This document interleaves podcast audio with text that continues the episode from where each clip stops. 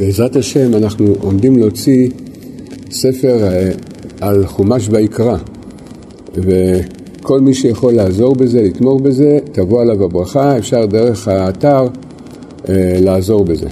יישר כוח. בעזרת השם אה, נתחיל סיפור בסיפורי מעשיות, הסיפור שנקרא מעשה מבן מלך ובן שפחה שנתחלפו. ידוע כמה וכמה פעמים הזכרנו את זה, שהסיפורי מעשיות של רבנו זה סודות מאוד גדולים, זה רמזים, משלים וסודות להנהגת הבריאה. וגם ש... כמה שאנחנו לומדים ומשתדלים אה, להבין ולהתעמק בזה, רבי נתן אומר, ועדיין זה טיפה מן הים, בהבנה, בהבנה. אבל אף על פי כן, הטיפה, הטיפה מהים של רבנו, מהנחל של רבנו, אצלנו זה הרבה מאוד. הטיפה הזאת.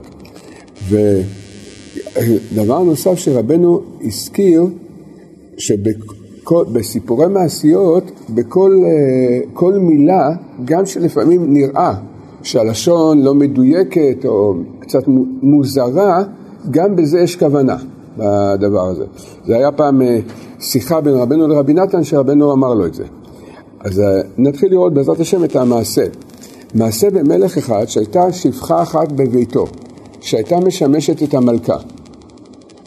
והגיע זמן לידתה של המלכה, וגם השפחה הנ"ל הגיע זמן לידתה באותו העת.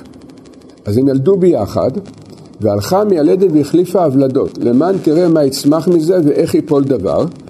והחליפה הבלדות והניחה בן המלך אצל בן השפחה, ובן השפחה אצל המלכה. ואחר כך התחילו אלו הבנים להתגדל. ובן המלך, היינו זה שנתגדל אצל המלך, כי היו סוברים שהוא בן מלך, אבל באמת הוא היה בן שפחה. זה שגדל אצל המלך וכולם מכבדים אותו כבן מלך, באמת הוא בן שפחה. והיו מגדלים אותו ממעלה למעלה, עד שהיה הולך וגדול והיה בריאה גדולה. וגם אותו הבן שפחה, שהוא בעצם הבן מלך האמיתי, נתגדל בביתו, כלומר אצל, ה, אצל השפחה. ושניהם היו לומדים בחדר אחד, וזה הבן מלך האמיתי שנקרא בן השפחה, היה טבעו נמשך לנימוס המלכות, אך שהיה נתגדל בבית העבד.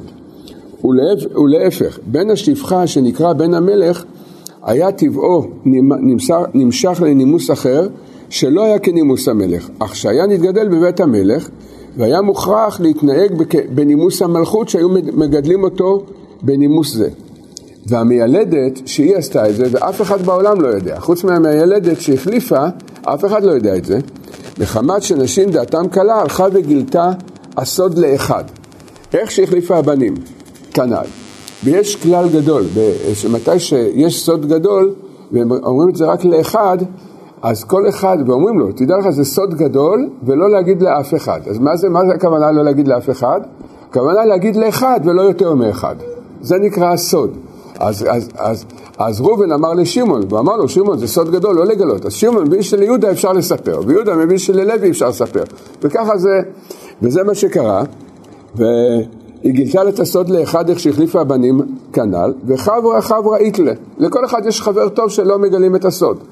עד שהתחיל להיות, העולם התחילו מרננים בזה, איך שנחלף המלך שנחלף הבן מלך, אבל אין רשאים לדבר מזה שלא יתגלה למלך, כי בוודאי אין רשאים שידע המלך מזה, כי מה, מה יעשה המלך בזה? כי אין תקנה לזה. זה נקרא, בגמרא יש מושג שנקרא קולה, קול שהולך ומתפשט. עכשיו, אם נתבונן מה זה קול שהולך ומתפשט בעולם, לא יודעים מאיפה זה מתחיל, וגם לא יודעים בוודאות אם זה אמת. עכשיו יש שמועה כזאת, אבל לא יודעים לדעת, כי אף אחד לא יודע מאיפה זה התחיל, לא יודעים שזה מתחיל, התחיל בעצם מילדת, כי זה עבר מאחד לאחד. אז אין מה לעשות עם זה, כי אי אפשר להאמין לזה בוודאות, אולי הוא שקר, ואיך אפשר לחזור ולהחליף? על כן בוודאי אסור לגלות זאת למלך, רק העם היו מרננים ביניהם על זה. זה התחלת הסיפור. קצת נתבונן בעומק, בפנימיות של הדבר. רבנו ודאי לא בא לספר לנו איזה סיפור בעלמא על איזה מיילדת שעשתה דבר מוזר, אלא שהרבנו התכוון להגיד לנו פה דברים מאוד עמוקים. למעשה, שורש, יסוד הבריאה, זה המעשה מבן מלך ובן שמך שנתחלפו. פירוש הדבר, שאנחנו לומדים שיש בעולם, יש בבריאה בן מלך ויש בעולם ובבריאה בן שפחה. ומגדלים את הבן שפחה, זאת אומרת, מה שנקרא בן שפחה הוא מקבל חשיבות לפני שהבן מלך בכלל יודע שהוא בן מלך, ובסיפור הוא הולך ובעצם מברר, מבררים את האמת הזאת, מי זה הבן מלך ומי זה הבן שפחה. אבל קודם, קודם לכן, הבחינה שנקראת הבן מלך היא החשובה, היא מקבלת את החשיבות. לבחינה הזאת יש הרבה צדדים איך להסתכל על זה, אבל היסוד, היסוד של הדבר, שלמעשה בכל אחד מאיתנו יש בן מלך ובן שפחה. זה מתגלה בהרבה רובדים ובהרבה בחינות, אבל הבחינה החשוב, היסודית ביותר, בפרט שמה שייך לנו, זה קודם כל שנדע, לנו בעצמנו, לכל אחד מאיתנו יש בתוכנו בן מלך ובן שפחה. שהבן מלך שבתוכנו זה הנשמה האלוקית, שעל זה אנחנו אומרים בבוקר, אלוקיי נשמה שנתת בי טהוריי. זה, זה כמו שכתוב בספרים הקדושים, זה חלק אלוקא ממעל, הנשמה האלוקית שבתוכנו, והנשמה האלוקית זה מציאות שלמה, הנשמה האלוקית שבתוכנו זה מציאות שלמה. בכללות היא רוצה את הטוב, היא רוצה את האמת, היא רוצה מידות טובות, היא רוצה לעשות את רצון הקדוש ברוך הוא. אבל אה, מצד הנשמה האלוקית אנחנו הכי טובים שבעולם, וזה ודאי. אלא שיש גם בן שפחה שבתוכנו, והבן שפחה שבתוכנו זה נקרא הנפש הבהמית. והנפש הבהמית היא רוצה בדיוק הפוך ממה שהנשמה האלוקית רוצה. זה הסימן ביניהם פלוס מינוס. כל מה שהנשמה האלוקית רוצה, הנפש, הנפש הבהמית רוצה בדיוק הפוך. ומצד הנפש הבהמית, אדם הוא אנוכי ורוצה את התאוות ואת התענוגים של העולם הזה ולא אכפת לו משום דבר. זאת הנפש הבהמית אומרת, אני רוצה תענוגים של העולם הזה, אני רוצה לחיות את ההצלחות, תאוות, דמיונות של העולם הזה ולא מעניין אותה, ולא מעניין אותה מעבר לזה. ואילו הנשמה האלוקית שבתוכנו וזה בדיוק הפוך, היא רוצה את האמת, היא רוצה להתחבר לקדוש ברוך הוא, לעולמות של קדושה, לעולמות של טהרה. רבנו, זה שיש בתוכנו נשמה אלוקית ונפש בהמית, בדור שלנו אין לנו ספק בזה. זאת אומרת, על הנפש הבהמית ודאי שאין לנו ספק. ברור השם שהקדוש ברוך הוא מרחם עלינו ומגלה לנו שיש לנו גם נשמה אלוקית. אבל רבנו אומר פה יסוד מאוד גדול. בהתחלה הבן שפחה גדל כבן מלך, פירוש הדבר שקודם כל יש באדם, מתגלה באדם וגדל באדם הנפש הבהמית. זה לפני שאדם מקבל את הנשמה האלוקית, קודם כל אדם מכיר, חווה את, ה, את, ה, את הנפש הבהמית. כשהעולם מתוקן, במציאות שלנו אני מתכוון, עולם, בבחינה של הנהגה של תיקון ושל סדר, איך זה הולך, איך, איך הסדר, זה כתוב בזוהר הקדוש, בכתבי רבנו ארי. קודם כל, האדם מקבל את... האדם מקבל, האדם הוא נשמה אלוקית. העצמות שלנו, הפנימיות שלנו, מי אנחנו באמת? ודאי שאנחנו נשמה אלוקית. אבל לפני שמתגלה בתוכנו הנשמה האלוקית, קודם כל מתגלה בתוכנו הנפש הבהמית. כשהכל מסודר ומתוקן, מתי אנחנו מתחילים לקבל את הנשמה האלוקית? בגיל 13. זה הבר מצווה. בבר מצווה אנחנו מקבלים את הנשמה האלוקית. ודאי שיש הכנות ויסודות מהנשמה האלוקית שמתגלים קודם לכן, אבל במדרגה של אחת, הראשונה, השלמה, אנחנו מקבלים את זה בבר מצווה. אחר כך בגיל 18 ובגיל 20 זה עוד בחינות. זה הסדר הרגיל של, ה, של ההנהגה. אבל בדור שלנו, אנחנו מבחינת אה, עולם הפוך ראינו, הכל פה הפוך, הכל משתנה, ולמעשה בדור שלנו הרבה צריכים לעשות את הבר מצווה שלהם, כל אחד לפי עניינו. בגיל, אה, יש כאלה בגיל 20, 25, 30, 40, 50, היום כבר יש בר מצווה בגיל 70 גם, ו- ויותר מזה. מה, מה הכוונה? מה, מה, מה הכוונת הדברים? בדור שלנו מקבלים הרבה פעמים את הנשמה האלוקית הרבה, אה, בגיל הרבה יותר מבוגר מגיל אה, זה, מגיל 13, מגיל 20 וכן הלאה, ויותר. פירוש הדבר בוודאי שזה הנהגה והשגחה פרטית של הקדוש ברוך הוא. שאדם יגדל, כל הדור שלנו, כל הדורות, אבל אנחנו, כשמתבוננים בדור שלנו, ודאי שכל הדור שלנו, כל מה שקרה בדור שלנו וקורה, זה, זה השגחה והנהגה של הקדוש ברוך הוא.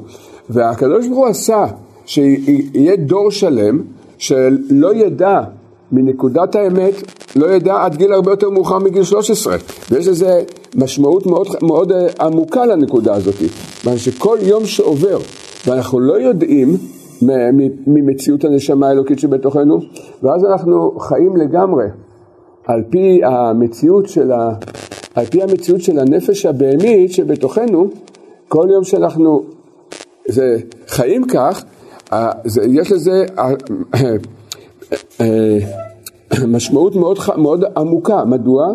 כי הנשמה, הנשמה, הנפש הבהמית היא יותר ויותר חודרת בעומק בתוכנו, היא יותר מקבלת כוח ותוקף, ולכן כשמתגלה הנשמה האלוקית לאדם, שזה בעצם השלבים של התשובה, השלבים הראשונים של התשובה בדורות שלנו, לא, המלחמה היא הרבה יותר קשה. מכיוון שהנפש הבהמית כבר תפסה מקום ופועלת בתוכנו, ואנחנו יותר, הרבה יותר מקושרים איתה ממה שהיה בזמן שהכל הולך כתיקונו.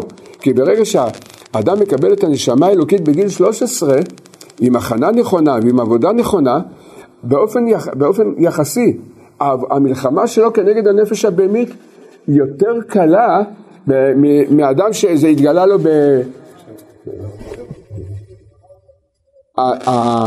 העבודה שלו הרבה יותר קשה, ככל שזה יתגלה יותר מאוחר, אז העבודה של האדם לברר את כל המהלך, שזה כל המהלך של הסיפור, לברר את נקודת האמת, איך להעיר בתוכנו את הנשמה האלוקית, זה כבר עבודה הרבה יותר קשה. ומצד זה, מצד זה, יש בחינה שאנחנו צריכים להרגיש שהקדוש ברוך הוא סומך עלינו. כי אם הוא נתן לנו, קודם כל הוא אמר לנו, לא, לא, אמר לנו, הנפש הבהמית זה הבריאה, זה תכלית הבריאה. לא נברא העולם אלא בשביל תענוגות, תאוות, הנאות וכן הלאה. עכשיו, כל יום שאדם עובר, אז האדם יותר, האדם יותר משתרש במקום הזה, יותר מתקשר עם המקום הזה. כשהקדוש ברוך הוא מגלה פתאום לאדם את הנפש, את הנשמה האלוקית, אז לאדם, ככל שאדם יותר ישתרש בבחינה של הנפש הבהמית, המלחמה שלו הרבה יותר קשה. יש לו מלחמה הרבה יותר קשה בדבר הזה. אז מכאן, אז, אז זה נקרא ירידת הדורות. ירידת הדורות זה הדור שלנו, זה תכלית הירידה. בעזרת השם אנחנו מקווים, עד הבוקר כבר, זהו, זה כבר גאולה. זה סוף, השעה הזאת זה סוף כל הירידות, סוף כל דרגין. בבוקר כבר נתפלל עם משיח צדקנו שחרית, יהיה בית מקדש, הכל אה, בעזרת השם יקרה מהר. אבל ודאי שצריך לדעת שיש פה איזושהי בחינה שהקדוש ברוך הוא סומך עלינו. הוא אומר לנו, אתם יכולים לברר את זה. כי יש קושייה, על מה, למה ייגרע חלקנו, למה ירדנו לכאלה, כזה דור, כאלה ירידות, כאלה תעצומות. אז הקדוש ברוך הוא אומר לנו, בבחינה אחת, הקדוש ברוך הוא אומר, אני סומך עליכם. כן, נתתי לכם עבודה קשה בבירור הזה. אז זה מה שרבנו אומר, שהבן שפחה גדל ולא קראו הבן מלך, בדור שלנו זה, זה מאוד מובן ופשוט, זה, זה בדיוק הדור שלנו. ש, שאנחנו גדלנו, כל, כמעט רובה דרובה של הדור, גדל במקום כזה שאמרו לו התענוגים, התאוות, ההצלחות של העולם הזה, ממון, כבוד וכן הלאה, זה, לזה תכלית הבריאה, זה נקרא שהבן שפחה גדל כבן מלך, שמחשיבים אותו. זאת אומרת, אנחנו מחשיבים את הנפש הבהמית כתכלית, כתכלית הבריאה. ואז רבנו אומר שכל זה, הכל זה, רבנו אומר, הלכה המיילדת והחליפה את הוולדות. זאת אומרת, הכל בגלל המיילדת הזאת. אותה צריך להעמיד לזה, מה יש לעשות לה... בית דין, מה, מה, מה, מה היא עשתה? למה היא עשתה את כל, את כל הסיפור הזה? אבל באמת, מה רבנו מתכוון? מי זה המיילדת? למעשה המיילדת זה מרמז על הולדת הבריאה. זה הרצון של הקדוש ברוך הוא, המיילדת, זה, זה ההנהגה של הקדוש ברוך הוא לעשות את כל החילוף הזה. ורבנו אומר, למה היא עשתה את זה? למען תראה מה יצמח מזה ואיך ייפול דבר. מה, מה זאת אומרת, מה, מה את עושה כאלה דברים בעולם? עכשיו, ודאי, זה בורא עולם עשה את ההנהגה הזאת, ורבנו, כמו שאמרנו, שרבנו בכל דבר הוא רומז משהו. רבנו אומר שיש פה עניין של מה יצמח מזה, אור מה יצמח מכל המהלך הזה, ואם נתבונן מה זה העניין של הצמח, הצמח, להבדיל מהדומם, יש, רבנו ארי כותב על הארבע מדרגות שבבריאה, שזה דומם, צומח, חי, מדבר, אז לכל אחד יש תכונות מיוחדות. כך בורא עולם, ככה, ככה הוא ברא את העולם. הדומם זה בעצם, הכוח שלו זה התלכדות החומר. הוא לא מתפזר. הדומם זה מבחינה שהוא לא מתפזר. אבל אין לו, הוא לא צומח, הוא לא גדל, הוא לא משתנה, הוא לא חושב, הוא לא מדבר. זו הדרגה הנמוכה ביותר של התגל, התגלות הבריאה. ההבדל בין הדומם לצומח, שלצומח יש כוח צמיחה, כוח גדילה. אנחנו רואים, זורים זרע, מתפתח אילן וכן הלאה, הוא גדל, לא מתפתח. העניין של, המושג של צמיחה זה עניין של התפתחות, של גדילה והתפתחות, ורבנו מרמז בזה שכל התכלית של הנהפוך הוא זה להצמיח פה דבר חדש. זה מבחינה של אה, גדילה. מי, מי אמור לגדול פה? מה אמור לצמוח פה? כל הבריאה בזכות החילוף הזה, בזכות החשיכה, ההסתרה, החילוף, ואם נמקד את זה בזכות הנפש הבהמית, בעצם יהיה צמיחה חדשה לגמרי. יהיה פה איזו גדילה חדשה שתהיה בזכות הירידה הזאת. כי הקדוש ברוך הוא, שקורא הדורות מראש, ובוודאי שעשה, הכל עושה לטובתנו. כי כל, כמו שהרמח"ל כותב, מטבעו של הטוב להיטיב, אז ידוע שזה יסוד הבריאה. יסוד הבריאה זה מכיוון שהקדוש ברוך הוא רוצה להיטיב איתנו. באמת עם כל הבריאה, אבל אנחנו תכלית הבריאה. נשמות ישראל זה תכלית הבריאה. אז כל הירידה הזאת זה למען להצמיח דבר חדש לגמרי. זה לגלות איזושהי בחינה חד, חדשה לגמרי. ורבנו אומר כאן, דוגמה לדבר, דוגמה, דוגמה לדבר. לפני בריאת העולם, לפני בריאת העולם, היה מציאות של נשמות ישראל. זה, זה, זה סוד, זה נעלם, אנחנו לא יודעים ולא מבינים בזה שום דבר, אבל היה במקום מאוד מאוד נסתר ו- ו- ורוחני, היה נשמות ישראל. הבריאה זה בעצם להוריד את כל נשמות ישראל אל המלחמה הזאת, אל ההתמודדות הזאת, והיא תצמיח מציאות חדשה לגמרי. המלחמה, המעבר שלנו פה, תצמיח מציאות חדשה לגמרי, שהיא תתחיל להתגלות, כרגע אנחנו נמצאים עוד בשלב הבירור, בשלב העבודה, אז אנחנו לא רואים את זה. אנחנו מאמינים בזה, אבל אנחנו לא רואים את זה. ברגע שיתגלה משיח צדקנו, אז אנחנו נתחיל, רק נתחיל לראות בעצם מה הייתה עבודתנו בעולם הזה. מה, מה, מה התכלית, מה התיקון של הדבר הזה. יש, הזוהר הקדוש משתמש במשל אה, לדבר הזה. כשאם התכלית שלנו זה אדם רוצה לגדל בחצר שלו עץ תפוזים, רוצה שיהיה לו עץ תפוזים. מה הוא צריך לעשות למעשה? אז הוא צריך, דבר ראשון הוא צריך להכשיר את הקרקע, שהקרקע תהיה מסוגלת לגדל עץ של תפוזים. אבל כמה שהוא יכשיר את הקרקע טוב, זה לא, לא יהיה שום דבר, אלא אם כן, מה הוא צריך לעשות? צריך לקנות זרע, זרעים של עץ תפוזים, לזרוע את זה באדמה, ועכשיו יתחיל תהליך לגלות את האילן, להצמיח, להצמיח את האילן.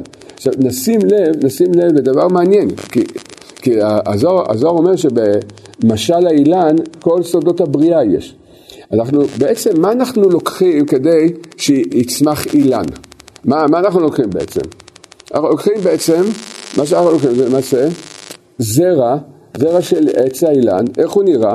זה איזשהו כדור בקוטר של חצי סנטימטר, כולו. עכשיו מישהו יסתכל על זה, יראה, מה, מה יש פה בכלל? אין פה כלום. זאת אומרת, אה, אה, אם אנחנו לא יודעים, אם אנחנו לא יודעים מה, מה יכול להפיק, אז אנחנו אומרים, מה יש פה? אין פה שום דבר. אבל באמת, מה יש בתוך הזרע של האילן? באמת, מה יש? לכאורה, קודם כל, בפשטות, כל האילן יצמח מהזרע הקטן הזה.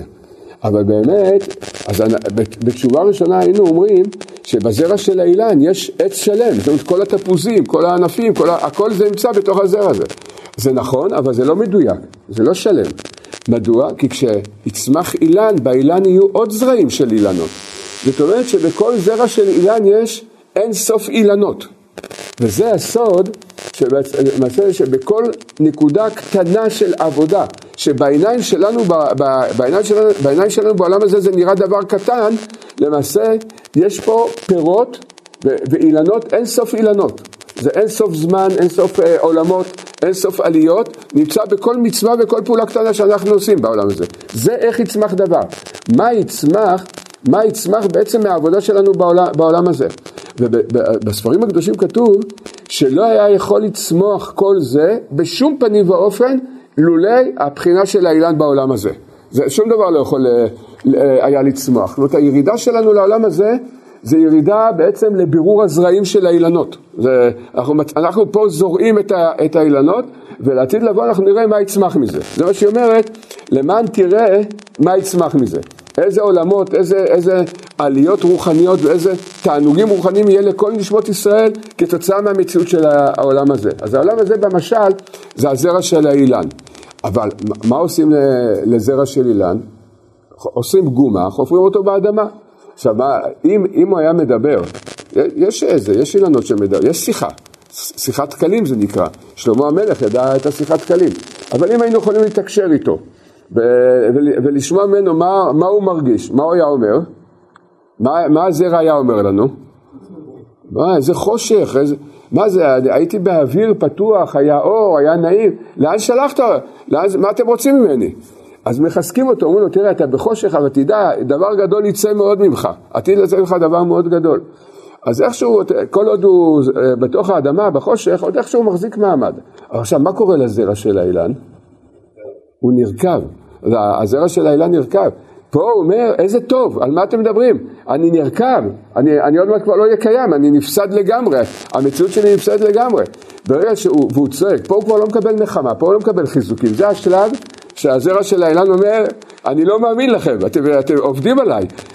עוד כל, הייתי, כל עוד הייתי קיים, חושך בתוך האדמה, יש פה צער, אבל כל עוד הייתי קיים, היה לי איזו מציאות, עוד היה אפשר לחזק אותו. אבל ברגע שהוא נרקב, הוא אומר, לא, אני לא מוכן, אתם, זה, עבדתם עליי, שיקרתם אותי, כל, ה, כל השיחות האלה של ההתחזקות זה לא אמת, זה, זה עובדים עליי, כי הוא מרגיש שהוא נרקב. עכשיו, ברגע שהוא מרגיש שהוא נרקב, הוא מרגיש שהוא נפסד ונעלם. זה בחינה של חושך, לכן היה גם במצרים. היה שלושה ימים חושך ראשון, ואחר כך עוד שלושה ימים והיה מש חושך. התגבר החושך, כבר לא יוכלו לזוז. זה השיתוק הזה, שהאדם כבר מרגיש שזהו, שיתוק לגמרי. ואז הזרע של האילן, שהוא מתחיל להירקב, ברגע שהוא מגיע לשיא הריקבון שלו, מה קורה? אתם יודעים מה קורה? פתאום האדמה נפקעת, מתחיל לצאת השורשים והניצנים הראשונים של, של האילן. פה הוא כבר לא מבין מה הולך פה. איך זה יכול להיות? אבל אני גמרתי לגמרי. אני כבר הרגשתי שאני עין הכי, הכי גדול בעולם. פתאום מתברר, הוא מתחיל לראות, קודם כל הוא מתחיל לחזור לאור. למה? כי האדמה נפקעה. זה מתחיל לצאת, הצמר מתחיל לצאת. זה ממש כל התהליכים שעוברים עלינו. על, עלינו בעצמנו עוברים כל, כל התהליכים האלה. וזה מה שהיא אמרה, למען תראה מה יצמח, יצמח מזה. וכמו שאמרנו, יש גם רמז גדול. יש אור, האור הגנוז, בלשון המקובלים, זה נקרא אור מה. זה, ככה זה הכינוי שלו, אור מה זה, יש סיבה למה זה נקרא דווקא ב, לפי הגימטראות, יש שלוש בחינות של אורות. יש אור שנקרא, ארבע, ארבע בחינות השורשיות ביותר זה אף, סג, מה ובן. זה השורשים של, ה, של, ה, של הבריאה. אז והבחינה של המה זה נקרא אור הגנוז שמתגלה אלינו, שמתגלה לנבראים, ובאמת בפנימיות, אם אנחנו נרצה להגיד בלשון המקובלים, מה ההשתוקקות שלנו, כל ההשתוקקות שלנו זה לאור מה. למה? כי זה אור נועם השם, זה האור שממתק את כל הדינים, זה החיבור של נשמות ישראל עם הקדוש ברוך הוא, זה נקרא אור מה.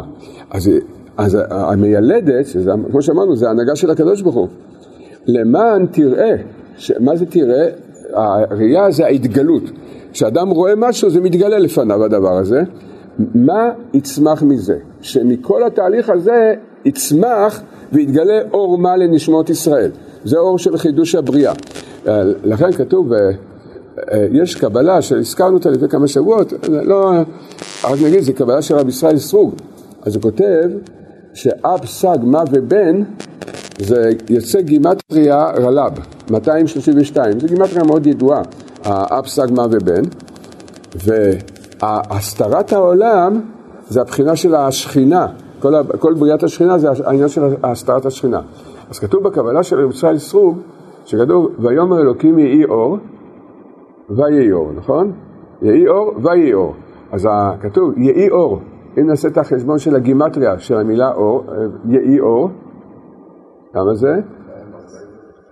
אור זה 207.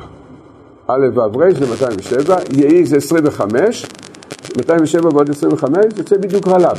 היהי אור זה האפסג מה ובן שהתגלה בבריאה, אבל מיד צריך צמצום של הדבר הזה. ויהי אור. ויהי אור זה כבר הצמצום, זה סוד השכינה, והשכינה נקראת רחל, השכינה נקראת על שם רחל, נכון? אז כמה זה רחל בגימטריה? 238. אז תוסיף ל-232 ויהי אור, עוד, עוד ו', עוד שש, זה רחל. אז יהי אור ויהי אור זה סוד כל הייחודים של הבריאה. גם כתוב בקבלה של רבי ישראל סרור. אז, אז זה, ואנחנו מצמיחים את אור מה. זו העבודה שלנו. ואיך ייפול דבר, שבעזרת השם נזכה לראות איך הבעל הדבר ייפול. וכשצומח אור מה, הבעל דבר נופל. זה הנפילה של הבעל, הבעל דבר. עכשיו, נחזור לנקודה שלנו, שאמרנו שזו ההתמודדות בין הנשמה האלוקית ובין הנפש הבהמית, אז שה, שהנפש הבהמית, אולי קצת, נעשה קצת הקדמה לדבר הזה. בספרי הקבלה כתוב שיש שני בחינות כלליות, ששם העבודה שלנו, שם המציאות שלנו, ב... בלשון ובמושגים של המקובלים. האור מה זה נקרא אור החסדים, ויש אור הגבורות שנקרא אור בן. וכל העבודה שלנו זה, תמיד העבודה שלנו זה לעשות איחוד מה ובן. וכשנעשה איחוד מה ובן, נופל הבעל דבר. כל הכוח שלו זה לפני שנעשה איחוד. עכשיו קצת קצת להסביר את זה הלכה למעשה. מה הכוונה אור החסדים, אור, שזה מה, אור מה, אור הגבורות שזה נקרא אור בן. מה זה בהלכה למעשה במציאות שלנו. אז מובא, בעיקר מי שמרחיב בזה זה הלשן שבו בהחלמה, העניין של אור החסדים זה אור שמתגלה לאדם, גם הגבורות, גם מאני מתגלה לנו, גם בן מתגלה לנו. כשמתגלה לנו אור מה, זה אור גדול מאוד, זה נועם גדול מאוד, אבל העיקר החשיבות זה שאדם יודע שעכשיו הקדוש ברוך הוא מחיה אותו. זאת אומרת, באור מה הקדוש ברוך הוא מתגלה לאדם. אז כל בחינה שאדם יש לו איזשהו הרגש של קרבה, הוא מרגיש את השם, זה נקרא אור מה. מה, חידוש הבריאה? חידוש הבריאה זה אור בן. מה, מה החידוש באור בן? אור בן זה חיות מאוד מאוד גבוהה, זה הגבורות העליונות, זה, זה חיות מאוד גבוהה, אבל לא רואים את השם שם.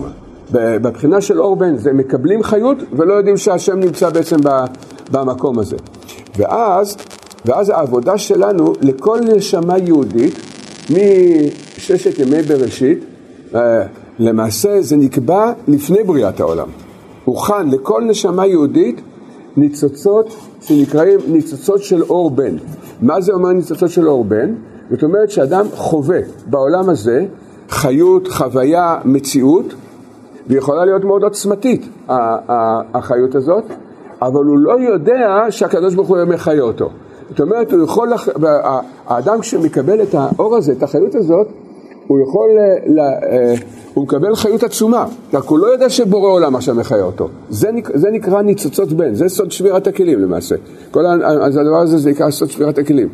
ולכל אחד מאיתנו נקבע, נקבע איזה ניצוצות בן אנחנו נפגוש בחיים שלנו, נחווה בחיים שלנו, נרגיש את זה בחיים שלנו, והעבודה שלנו זה לה, לה, להאיר בתוך הניצוצות של הבן את האור מה. זאת אומרת? מה זאת אומרת? לדעת בורא עולם נמצא פה. זאת אומרת, אדם למשל, בצורה פשוטה, אדם אה, אוכל מאכל, אה, מאכל הסעודה הכי טעימה שזה, שיש בכדור הארץ. לפחות לבן אדם הזה זה, זה סעודה הכי טעימה. זה בדיוק כל מה שהוא רוצה, כל התפריט, הכל בצורה המדויקת ביותר. עכשיו, אדם נהנה מזה? ודאי, אם הוא קצת רעב, ודאי שהוא נהנה מזה, זה בדיוק הסעודה שהכי אוהב, הכי רוצה, הכי משתוקק לה. עכשיו, אם נתבונן בנקודה הזאת, אדם יכול ליהנות מהסעודה, מאוד מאוד ליהנות מהסעודה, ו... ואם הוא יודע, נניח שזה שף אחד עכשיו שעשה את הסעודה הזאת, אז כולם נהנים מזה, מה אפשר לעשות על השולחן? להתחיל להלל ולשבח את השף הזה. איזה, איזה בשר הוא הביא, איך הוא ידע לבשל את זה, והדגים, היה להתחיל לשבח, לשבח אותו. ואז בעצם, או לחילופין, מהתענוג של הסעודה להגיע לשטויות גדולות. זה, זה נקרא סעודתו של אחשורוש. מה עושים, אה, מה עשו אחשורוש וחבריו בסעודה, ומתוך השטויות שהם הגיעו, התחילו לדבר על אה, אה, לאיזה עם יש את הנשים הכי יפות. זה, זה נקרא דברי שטות והבל שיכולים לבוא לסעודה. אבל מצד שני, מצד שני, אנחנו יודעים גם, אפשר מאוד לקדש את הסעודה. קודם כל אוכל כשר, אדם מברך על, ה, על האוכל, ויש דברי תורה, ויש, וכמו בשבת, גם שרים, שירים, מה עושים בעצם? מה אנחנו עושים בזה? אנחנו, את כל הסעודה אנחנו מעלים לאמונה. אנחנו, מעלים, אנחנו אומרים לקדוש ברוך הוא תודה רבה. כשאנחנו מברכים על האוכל, אנחנו אומרים לקדוש ברוך הוא תודה רבה שנתת לנו את הסעודה הזאת, נתת לנו תענוג מהסעודה הזאת, נתת לנו בריאות מהסעודה הזאת, כוח, אנחנו מודים לקדוש ברוך הוא. אחר כך אומרים קצת חידושי תורה, סיפורים, לפי העניין, שיר, שירות ותשבחות.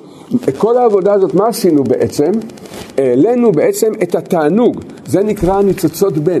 שנפלו, את התענוג שיש בתוך הסעודה, העלינו אותה לאמונה, שאנחנו מבינים ומתבוננים, בורא עולם נתן לנו את כל זה, את כל החיות הזאת, את כל התענוג הזה, אנחנו מודים לו, אומרים לו תודה, ברכות וכן הלאה.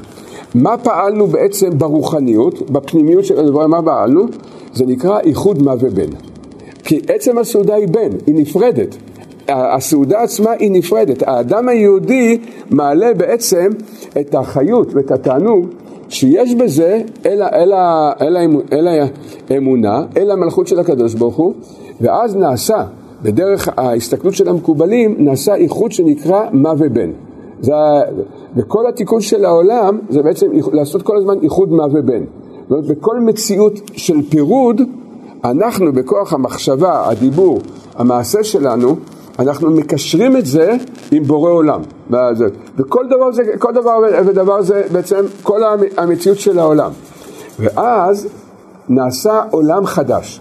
עולם חדש שנבנה ממה ובן. זה נקרא בניית, אה, בניין עולם האצילות. כל הייחודים זה מה ובן. למעשה כל, כל העבודה שלנו זה, הכל הולך סביב זה, וכיוון שרבנו שורש הדורות שלנו, זה לתקן את זה, לכן זה משמיים מכוון שהוא נמצא באומן. נכון? דייקה באומן, כי אומן כמה זה הגימטריה של אומן? 97, א' ו' זה 7 ו-97, בדיוק מה ובן.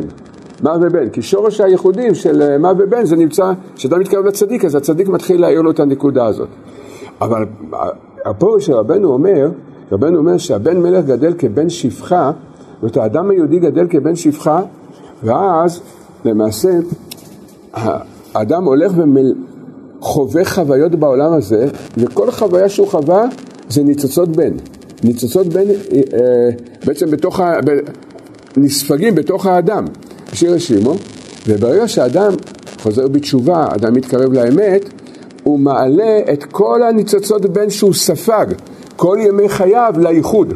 וזו העבודה הקשה שיש לנו בעולם הזה, הדבר הזה.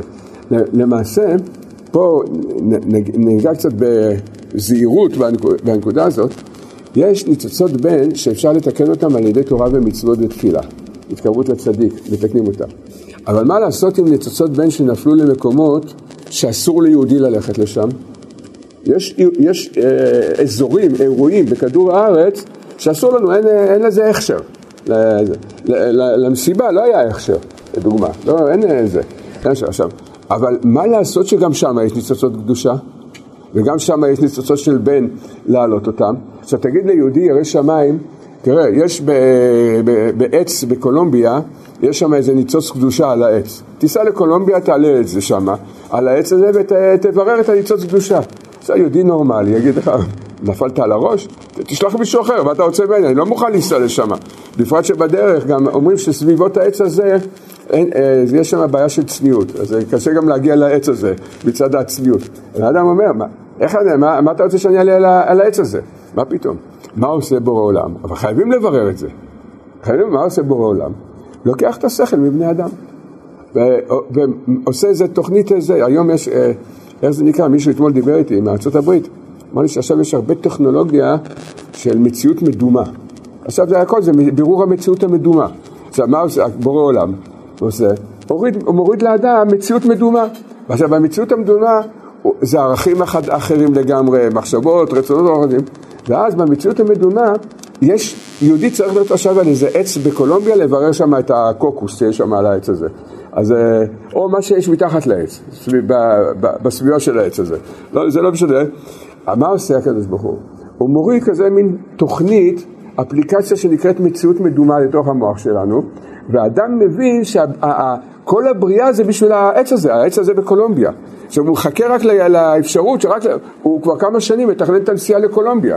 בסוף הוא נוסע לשם, חווה את מה שהוא חווה, עובר עליו מה שהוא עובר עליו, וכשהוא חוזר לארץ, אחרי שהוא עשה סיבוב בכדור הארץ, הוא חוזר לארץ, פתאום בורא עולם מתחיל לגלות לו, יש, יש תורה, יש אה, בורא עולם, זה. אז מה קרה בעצם? מה קרה? בגלל שאדם היה במקום שהוא היה, הוא ספג את הניצוצות בן של אותו מקום. עכשיו כשהוא מתחיל לחזור בתשובה, בעצם, הוא עם כל הניצוצות האלה שהוא ליקט, בכל מקום שהוא היה, הוא מתחיל לעשות ייחוד מה ובן. ועל ידי זה מעלים בעצם את הניצוצות שנפלו למקומות שאסור לנו ללכת לברר אותם. וזה יסוד מאוד גדול. יסוד מאוד גדול, אסור לנו ללכת לברר את המקומות האלה. אומרת, בבחירה אסור לבן אדם ללכת. גם אם אדם יודע ש... ו... והוא הולך לשם שמיים, והוא אומר אני רוצה לכוון, והוא יודע אפילו שיש עכשיו מקום בכדור הארץ, זה לא, לא מקום גדול, יש איזה פרדס, איזה יער, יש שם איזה אירוע, אירוע חברתי יש שם, ואם אני אהיה שם, אני, הוא יודע, באמת, לא, לא עכשיו שם מדומיין, הוא יודע, אני אהיה שם, אני יכול לברר ניצוצות שיביאו את הגאולה. ברוך השם, יש לך השגות גדולות מאוד. לך אסור ללכת לשם. לך אין לך רשות. למה אין לך רשות ללכת? כי אתה יודע. כי ברגע שאתה יודע, המגמה וההשתדלות והרצון של האדם זה ללכת לתורה ולמצוות. אם בורא עולם יודע שצריך לאנוס מישהו, אז גם, זה גם קורה, אבל בדעת אסור ללכת לשם. עצם העובדה שאדם יודע, ואפילו שהוא יהיה הכי מכוון לשם שמיים, הוא כבר לא יכול לברר את זה. כבר לא יכול, אסור לו כבר ללכת למקום הזה. וה, והחידוש של הבריאה למעשה, שזה נקרא סוד שבירת הכלים, זה שנפלו ניצוצות בעולם, נפלו ניצוצות של אה, קדושה מאוד מאוד גבוהה, זה נקרא הגבורות שנפלו, ניצוצות בן שנפלו, ויש בזה חיות מאוד מאוד גדולה לדבר הזה, ועלינו בעצם לבוא לעולם, אנחנו נשלחנו לעולם בעצם לבוא לעשות את האיחוד מה ובן. אומרת, כל חוויה, כל מפגש שיש לנו, לחבר את זה לקדוש ברוך הוא. לראות איך אה, בעצם אנחנו עושים את רצונו בכל מהלך, בכל מציאות שנמצאת, ש, שעוברת עלינו. ואז אנחנו בונים עולם חדש, והעולם החדש הוא העולם בעצם, זה שילך איתנו לנצח נצחים. כל, כל, כל ניצוץ שאדם הולך, זה הולך איתו לנצח נצחים, וזה נקרא ייחוד, כמו שאמרנו, ייחוד מה ובן. ואמרנו כך, שזה, אני אומר עכשיו, אני, יש לי הרבה דמיונות, אז אני אומר משהו מהדמיונות שלי. בסדר, אז אין, אין בזה עבירה להגיד משהו מהדמיונות. מותר להגיד דמיונות. רבנו אמר שגם באותם דומיין, לא משנה, העיקר שאל זה, אל תפגע באף אחד, אל תהרוס, אל תשנה את ההלכות. אז כשהתחילו להגיע לציון של רבנו, אז אה, בהתחלה, לא, מן הסתם הצעירים לא זוכרים את זה, זה היה לפני 30, 30 שנה, היה שם הבית של אה, גויה. אנחנו זכינו, אני לא יודע, זה, כן, זה זכות בעצם, הציון של רבנו, זה זכות להיות בבית של הגויה הזאת. אבל זה היה ממש בית שיש סרטים, יש, אה, סרטים ישנים על איזה אה, טירות כאלה של מכשפות בכל מיני קורי עכביש וזה, זה היה הבית שלה. זה, זה, היה, זה היה הבית שלה.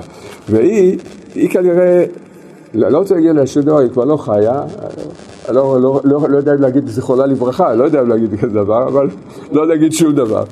אבל כשהיינו, בלילה, כשהיינו מתפללים בציון, היא הייתה עדיין גרה שם, אני, אני זוכר כמה פעמים זה היה. היא רצתה לגרש אותנו, אז היא הייתה יוצאת עם מטאטא. עכשיו, איזה מטאטא? לא מטאטא ישראלי, מטאטא אוקראיני של לפני 30 שנה. זה קוצים ככה, זה הולך, זה הלך קוצים ככה, הייתה יוצאת איתו הפוך, עם הזה כלפי מעלה. עכשיו, השיער שלה הייתה מבוגרת, השיער שלה היה ככה עומד, הייתה יוצאת עם המטאטא בשתיים בלילה, לצעוק עלינו, זה היה, זה היה דבר, אחד הדברים הכי מצחיקים לראות בעולם. זה ממש סרט של מכשפה באיזה, באיזה מקום, באיזה טירה בעולם. ברוך השם, זה היה לא פשוט לבדות את הבית ממנה. זה כמה שנים לקח עד שזה, הסכימה למכור את זה. מה, אכפת לך מהבית הזה? נתנו לה שם מחיר של שכונה שלמה, אבל הם הרגישו הם הרגישו שמההשתוקקות של ברסלב, של חסידי ברסלב, הם הבינו שאפשר פה לקבל אה, זה.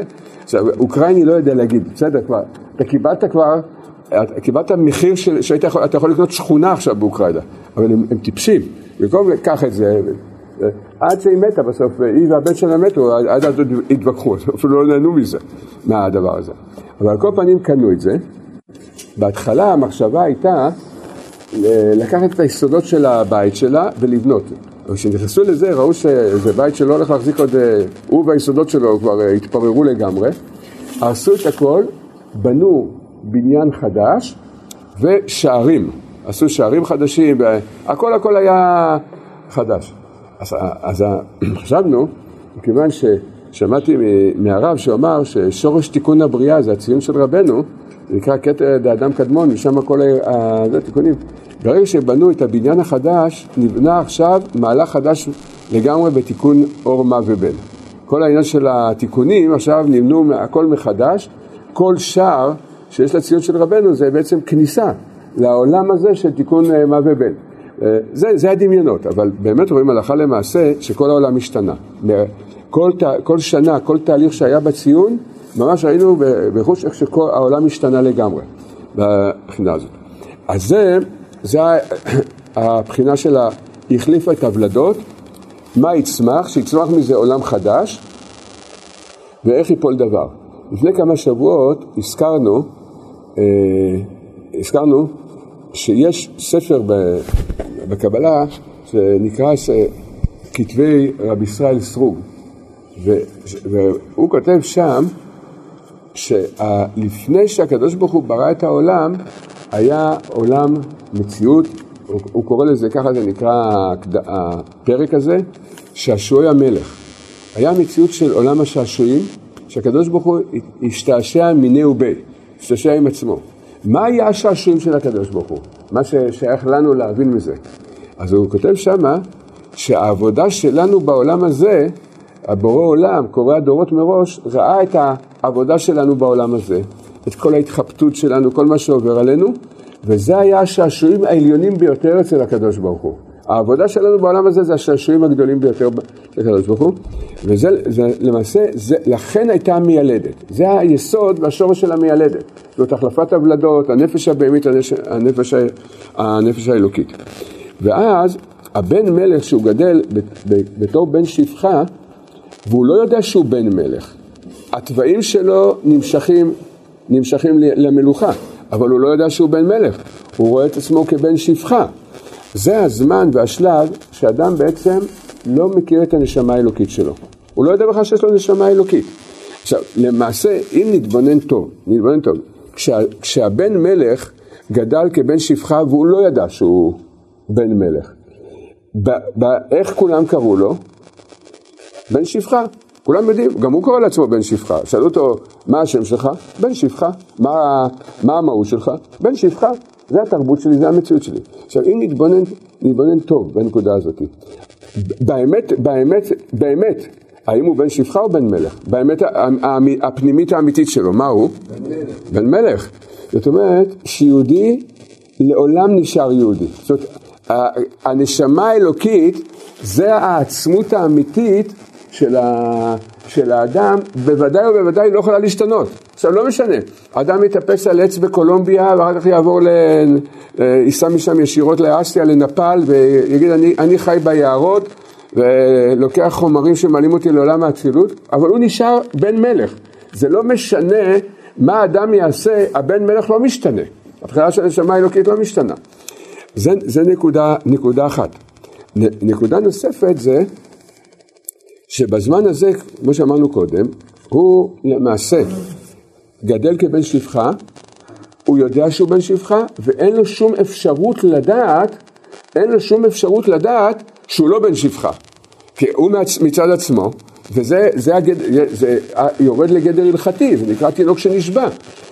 לכן הקדוש ברוך הוא חייב להתערב בתוך הבריאה, בתוך הבחינה הזאת, וזה הסוד של המיילדת, שנשים דעתם קלה, זה, זה כביכול, כביכול קלות ראש, אבל זה מתוכנן מצד הבריאה עצמה.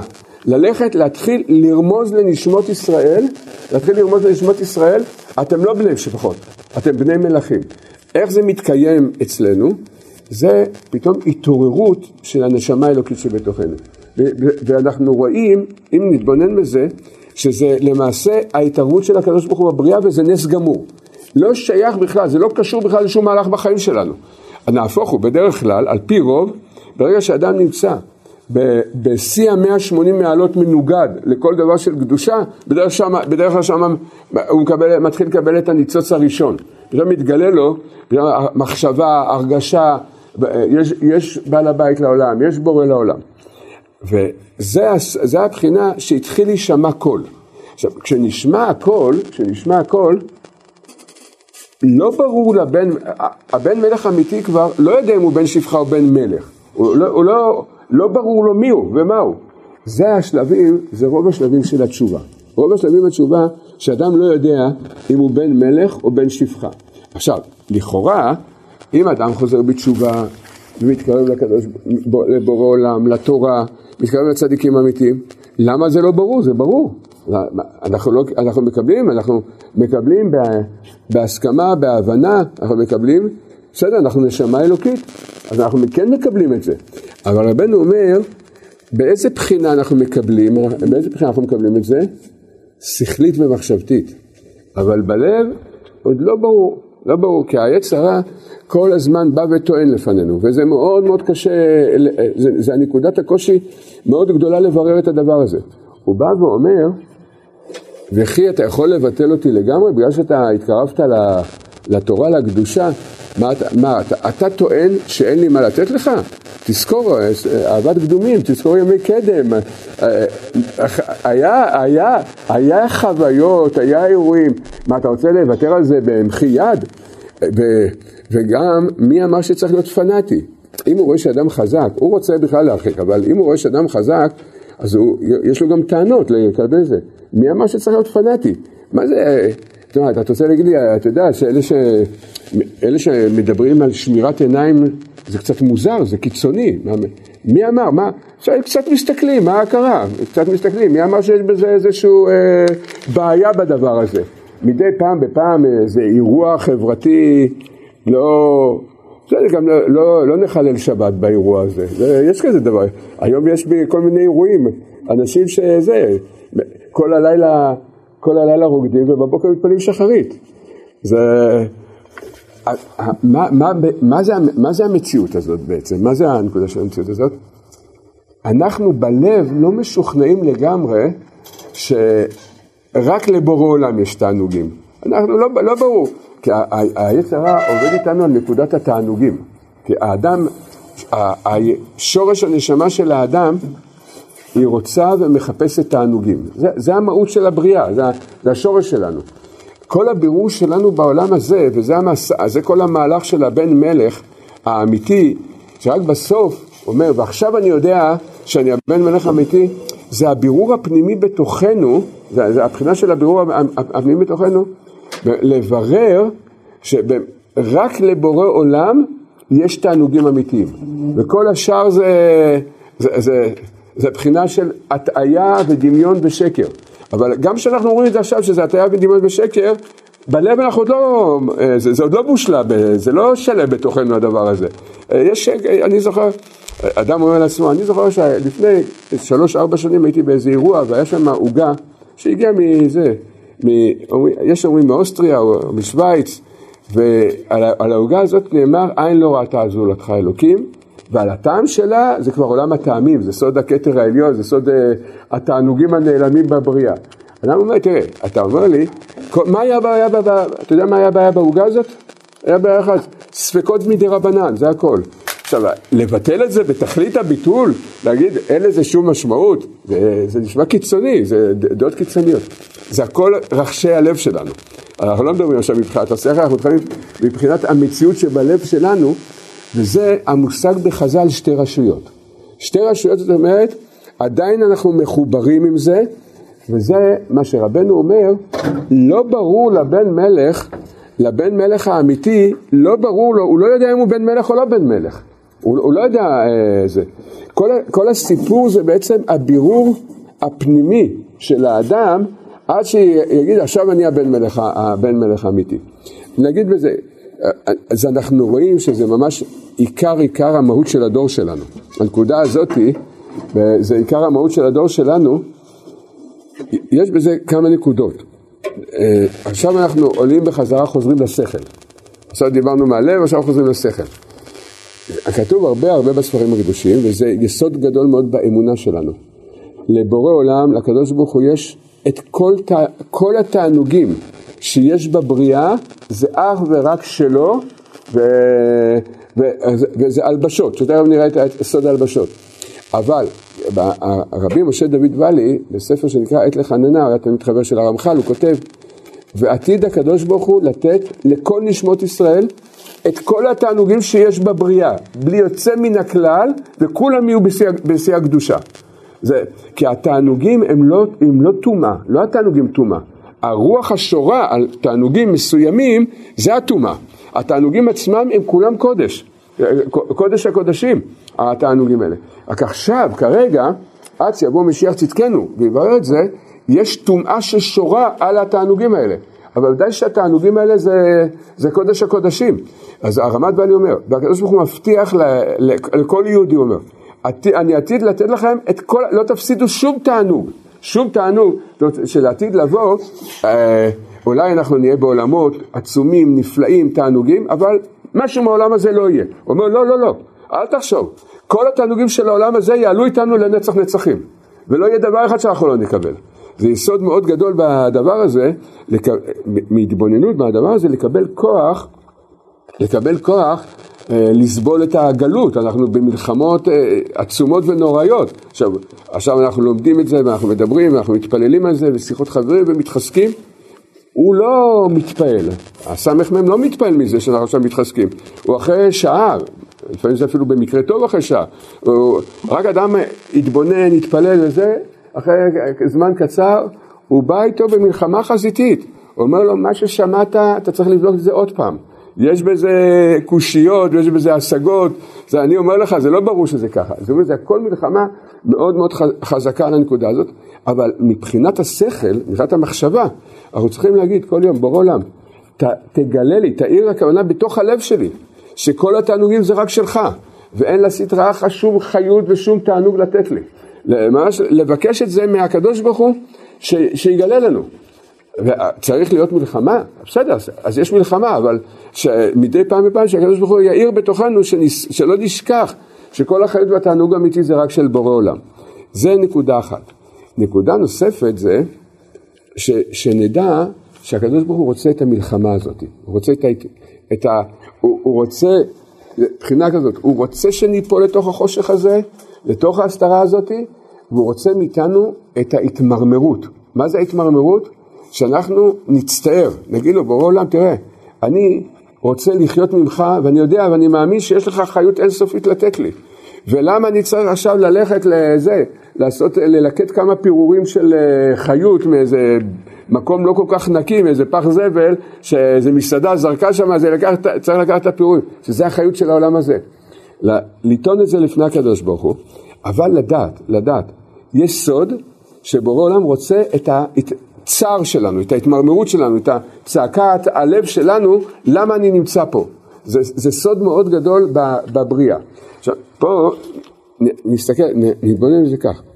יש בחינה של מלחמה שאדם צריך לעשות. זאת אומרת, התורה מגדירה לנו גדרים של אה, מצוות, של הלכות, של עבירות, מאיפה לקבל, מאיפה לא לקבל, מה מותר לנו, מה אסור לנו.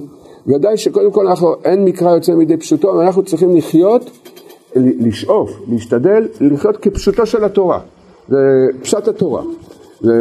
ועכשיו אני, אני אגיד משהו שאני לא יודע, לא יודע אם כולם מסכימים על זה, אבל אני שמעתי איזו שיחה בהלכה, ובשיחה הזאת שמעתי דבר מפתיע.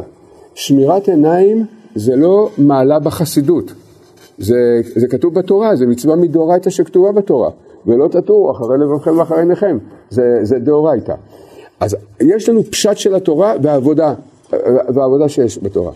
אבל צריך לדעת, יש מצ, מציאויות, מצבים, שהקדוש ברוך הוא כביכול כופה עלינו מקומות שהם יותר חזקים מאיתנו. כל מיני שיגעונות, אהבות, או מידות וכן הלאה, בלבולים, שבאמת לאמיתה. אנחנו עושים את כל ההשתדלות, אנחנו מנסים, ואף על פי כן יש דברים שהיצר הרע יותר חזק מאיתנו. ואז, אם, אם כך, אם כך, אז מה, מה הקדוש ברוך הוא רוצה מאיתנו? אם לכתחילה אנחנו אומרים, נתון, יש נתון, יש מקומות שהם יותר חזקים ממך, אז מה, מה רוצים מאיתנו? אז פה זה, זה, זה דבר שמאוד צריך ללכת איתו חזק, כי זה, עכשיו בתקופה שלנו זה בירור מאוד גדול. צריך את ההתמרמרות. מה זה ההתמרמרות? להגיד לבורא העולם, כל הזמן, זה, זה רצו ושוב, זה כל הזמן. זאת אומרת, זה יכול להיות אה, פעם ביום, זה יכול להיות מאה פעמים ביום. כשאדם עובר עליו בלבולים, ופתאום תאוות, ושיגעונות, ופתאום הוא רוצה להיות בזה, ב... להיות אדמו"ר בתאילנד, או לארגן אה, הפקות חברתיות בברזיל, כל מיני דברים כאלה, אדם מסתובב במחשבות שלו בכל העולם.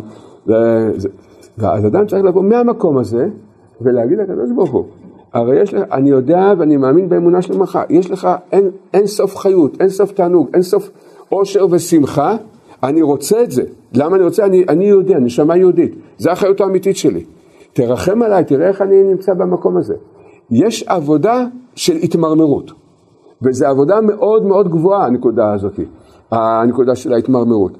יש, הזכרנו לפני הרבה זמן, הזכרנו שיש סיפור מהבעל שם טוב, המעשה מאשת הרב חובל, ככה זה נקרא.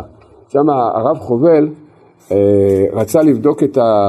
מישהו, סיפור שלם שהוא רצה, הסית את הרב חובל, הסית סוחר גדול כנגד אשתו.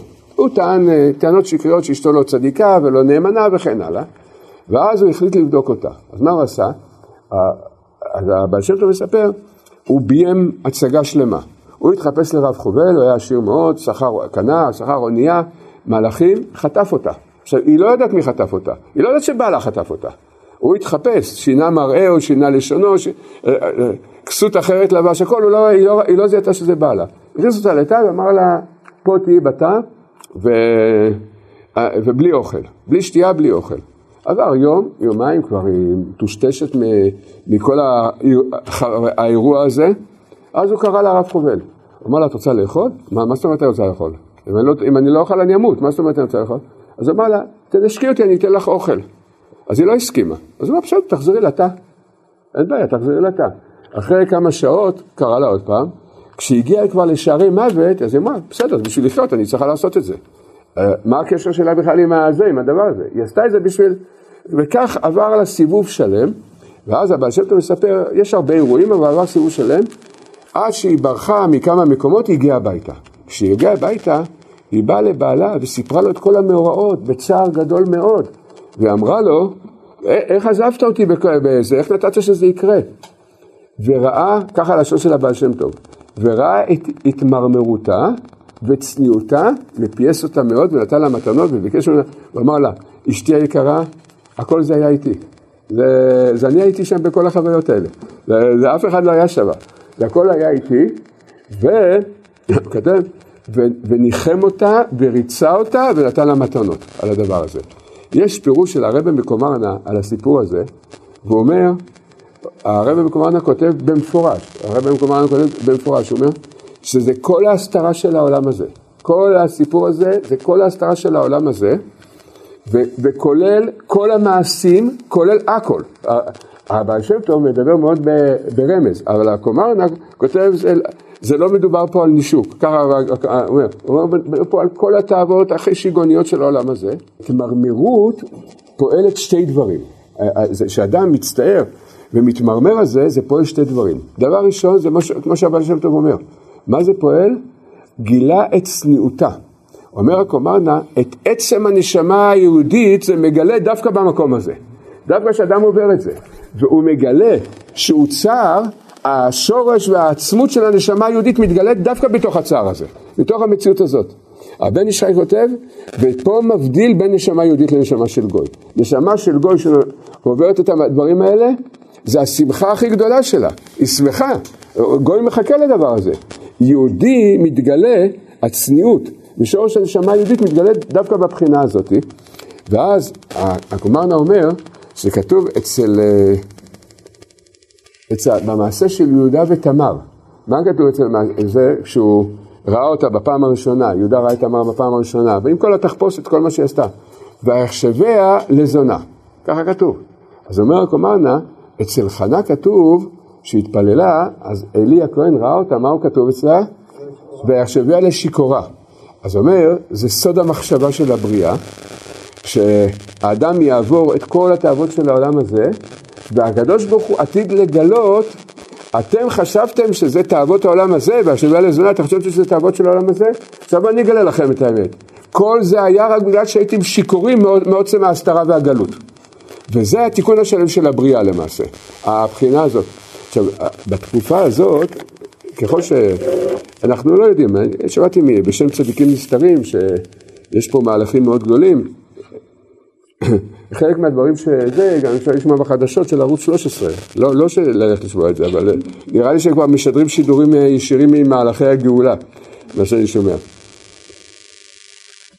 אבל על כל פנים, ככל שעכשיו הזמן עובר, זה אנחנו יורדים יותר ויותר מאוד לבחינה של הבירור הזה. הבירור, כי היצר רע לפני שבעזרת השם ישחטו אותו בקרוב, לפני, לפני זה, זה הניסיונות עצומים, בלבולים מאוד מאוד גדולים, וכמעט אין כבר, אין לנו כבר כמעט מה לעשות, במקום שאדם מתחיל להיכנס לכל הבלבולים, במקום ש... ואז רק תמימות ופשיטות. אה, אמרתי, אמרתי, אתמול היה לי שיחה עם מישהו, אמרתי לו, הקדוש ברוך הוא לא מחפש בכלל, לא מצפה מאיתנו בכלל להיות צדיקים. מי שיכול להיות אדרבה ואדרבה, לא, לא, אנחנו לא אומרים נגד חלילה, להיות צדיק זה דבר גדול, אבל לא זה התיקון, לא זה הנקודה עכשיו העמוקה, להיות יהודי תמים ופשוט. זאת אומרת, מה זה תמים ופשוט? מכל מקום להתחבר עם הקדוש ברוך הוא, מכל, אה, לראות בכל מצב, ב, אם זה עכשיו ניסיונות, ההתמרמרות, אם זה בעבודה, אם בלימוד, בכל דבר לראות איך מתחברים עם הקדוש ברוך הוא, להמליך אותו בתוך ההסתרות שאנחנו עוברים, אם זה בניסיונות פרנסה, אם זה בניסיונות של הבית, אם זה כל, אין סוף, אה, והקדוש ברוך הוא כל הזמן כביכול דורש מאיתנו, תמליכו אותי בתור זה. מה זה נמליך אותו? תצעק לשם, השם, תראה, לי שזה אתה, שכל הצער הזה, כל הבלבול הזה, כל מה שעובר עכשיו, זה, זה רק אתה.